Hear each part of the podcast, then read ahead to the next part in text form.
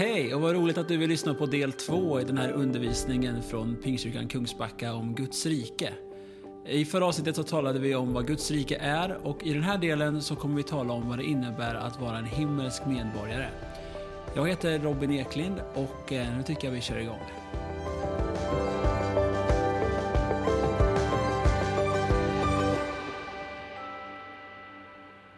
Jag tror ofta att det sätt som vi ser oss själva på skiljer sig från hur Gud ser på oss. Jag brukar tänka på Abraham. Hans liv beskrivs i Romarbrevet 4 eh, på det här sättet. Där allt hopp var ute trodde och hoppades han att han skulle bli fader till många folk. Som det var sagt, så talrika ska dina efterkommande bli. Han sviktade inte i tron då han tänkte på att hans egen kropp saknade livskraft. Han var då omkring hundra år och att Saras moderliv var dött. Han tvivlade inte i otro på Guds löfte utan blev istället starkare i tron och gav Gud äran. Han var övertygad om att vad Gud hade lovat, det var han också mäktig att hålla. Och det här är ju en fantastiskt fin och vacker beskrivning som Paulus skriver om, om Abrahams liv. Men någonstans när jag läser det här så brukar jag tänka, men var det verkligen så det gick till? Jag menar att när vi läser berättelsen om Abraham så var det en ganska krokig väg. Visserligen så, så blev de löften som Gud gav honom blev uppfyllda. Han fick löftessonen. Men det var en ganska krokig väg där Abraham tvivlade, där han övertalade Sara att låtsas vara hans syster för att de inte skulle bli attackerade. Och de försökte skaffa en son på annan väg än på det sätt som Gud hade tänkt. Det var en krokig väg och jag undrar om Abraham, när han själv summerade sitt liv, om han hade använt samma ord som, som används i Romarbrevet när Gud på något sätt summerar Abrahams liv. Att han tvivlade inte i otro. Han sviktade inte i tron. Han var övertygad om att vad Gud hade lovat, det var han också mäktig att hålla. Och så här tror jag ofta att det är. Att Gud har ett annat sätt att se på oss än vad vi själva gör. Ofta har vi själva så enkelt för att se våra tillkortakommanden och våra begränsningar. Men när Gud ser på oss genom Jesus och genom det Jesus har gjort för oss, hur han har tvättat oss rena, så framträder en annan bild. Och jag tror att det är så viktigt att vi lär oss att tänka om oss själva och se oss själva på det sätt som Jesus ser oss. I Romarbrevet 12 och vers 2 så skriver Paulus så här. Och anpassa er inte efter den här världen, utan låt er förvandlas genom förnyelsen av ert sinne så att ni kan pröva vad som är Guds vilja, det som är gott och fullkomligt och behagar honom. Gud formar oss till att bli mer lika honom och ett av de sätten han gör det på är att han präglar vårt sätt att tänka. Hur vi tänker om Gud, varandra och oss själva. Och hur vi tänker formar oss mer än vi tror. Därför är det så viktigt att tänka och se oss själva så som Gud ser oss. Annars kommer vi aldrig kunna bli allt det Gud har skapat oss till att vara.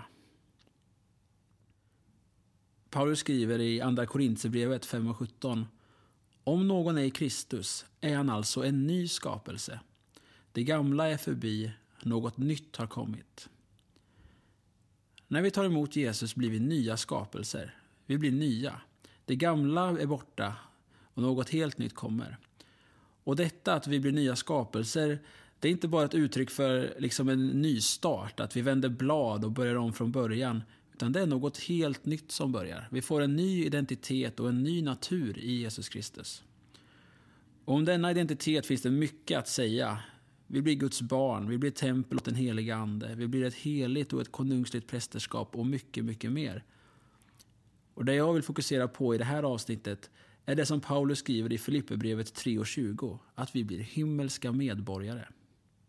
Så här står det i Filipperbrevet 3. Men vi har vårt medborgarskap i himlen och därifrån väntar vi Herren Jesus Kristus som frälsare.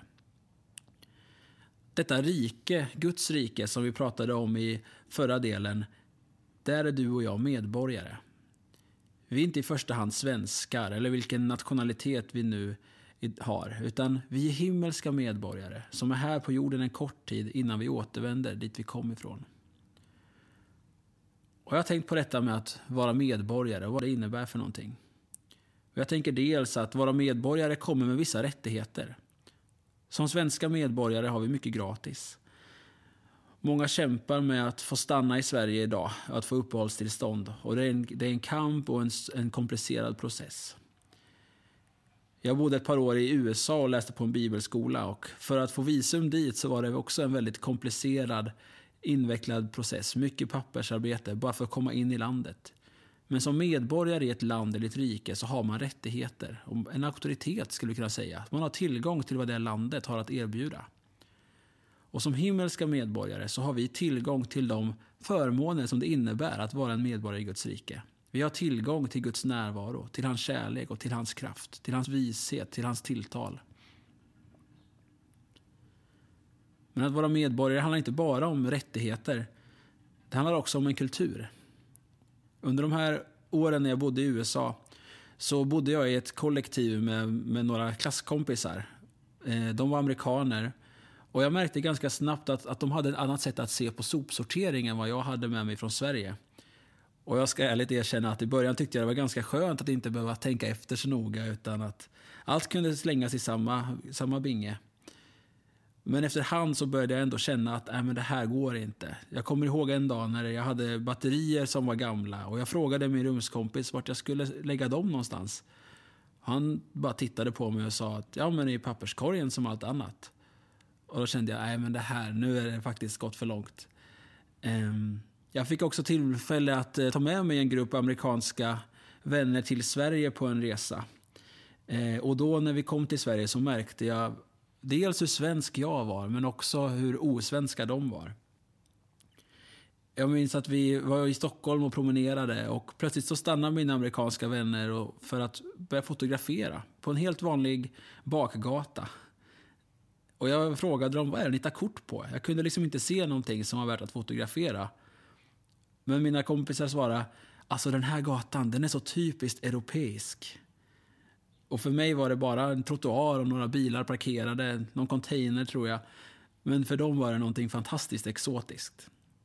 Och vi kom till ett stort torg eh, där det var ett cykelställ och de började ta kort på det här torget. Och jag frågade vad är det nu ni tar kort på? Och de sa Alltså det här cykelstället, det är som en stor parkeringsplats för, för cyklar.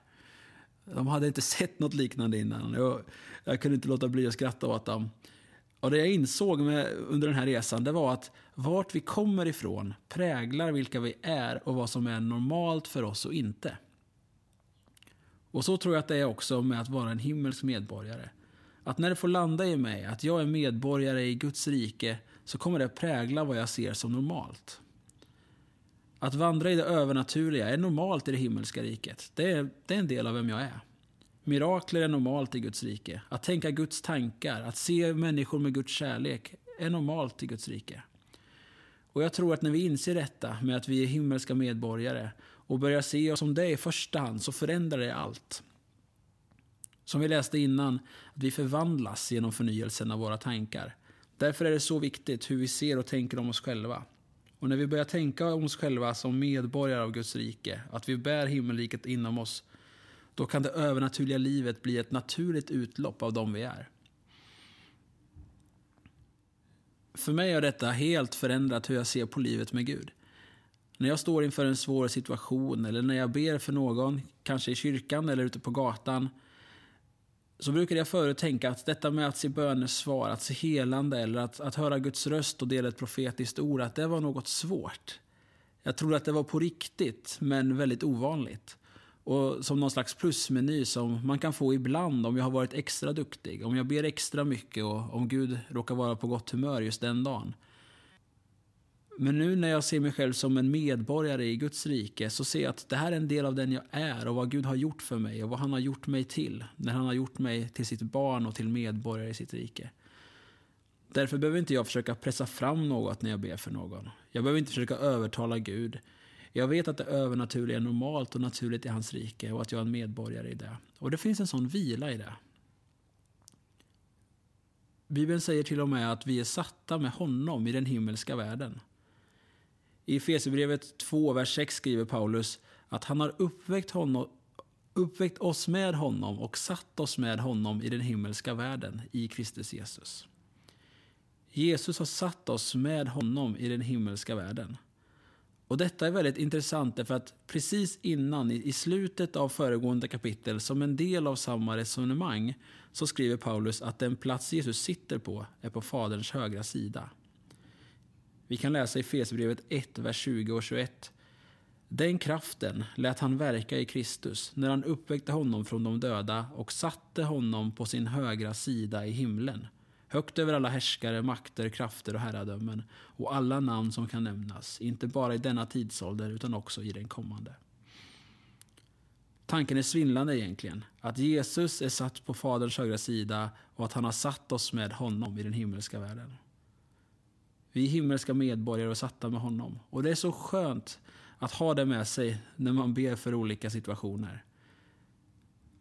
Där jag liksom inte behöver be från jorden upp till himlen med ett perspektiv att jag här nere blickar upp mot Gud långt borta och, och säger Käre Gud, om du vill så kan du väl. Utan jag är en del av Guds rike. Jag bär riket inom mig och jag är satt med honom. Och när jag ber så, så får jag ha ett perspektiv av att jag förlöser den verkligheten som jag är en bärare av. Jag får be från himlen till jorden och förlösa det rikets verklighet in i den situationen som jag har inför mig här på jorden. Och min erfarenhet är att det faktiskt gör skillnad. Att när jag har det perspektivet av att jag är en medborgare i detta rike, att det här är en naturlig del av den jag är och jag är satt med honom i den himmelska världen. Jag behöver inte prestera, be extra hårt, utan det är en naturlig del av vem jag är. Och den auktoritet som jag har i Jesus.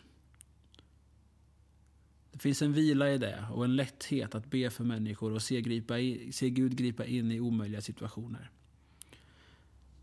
Så jag skulle bara vilja uppmuntra dig idag att börja se dig själv som en medborgare i Guds rike och reflektera över vad det innebär för dig. Och be Gud om att han ska börja forma ditt sätt att tänka och se dig själv och att det sätt som du ser dig ska få vara ännu mer i linje med hur han ser på dig. Att vara himmelsk medborgare innebär alltså att vi bär en Gudsrikes kultur. Och denna Gudsrikes kultur vill jag fortsätta tala om när den här serien går vidare olika värderingar som utgör en Guds rikes kultur. Eh, jag hoppas att du vill, vill lyssna på det som kommer framöver. Gud välsigne dig idag.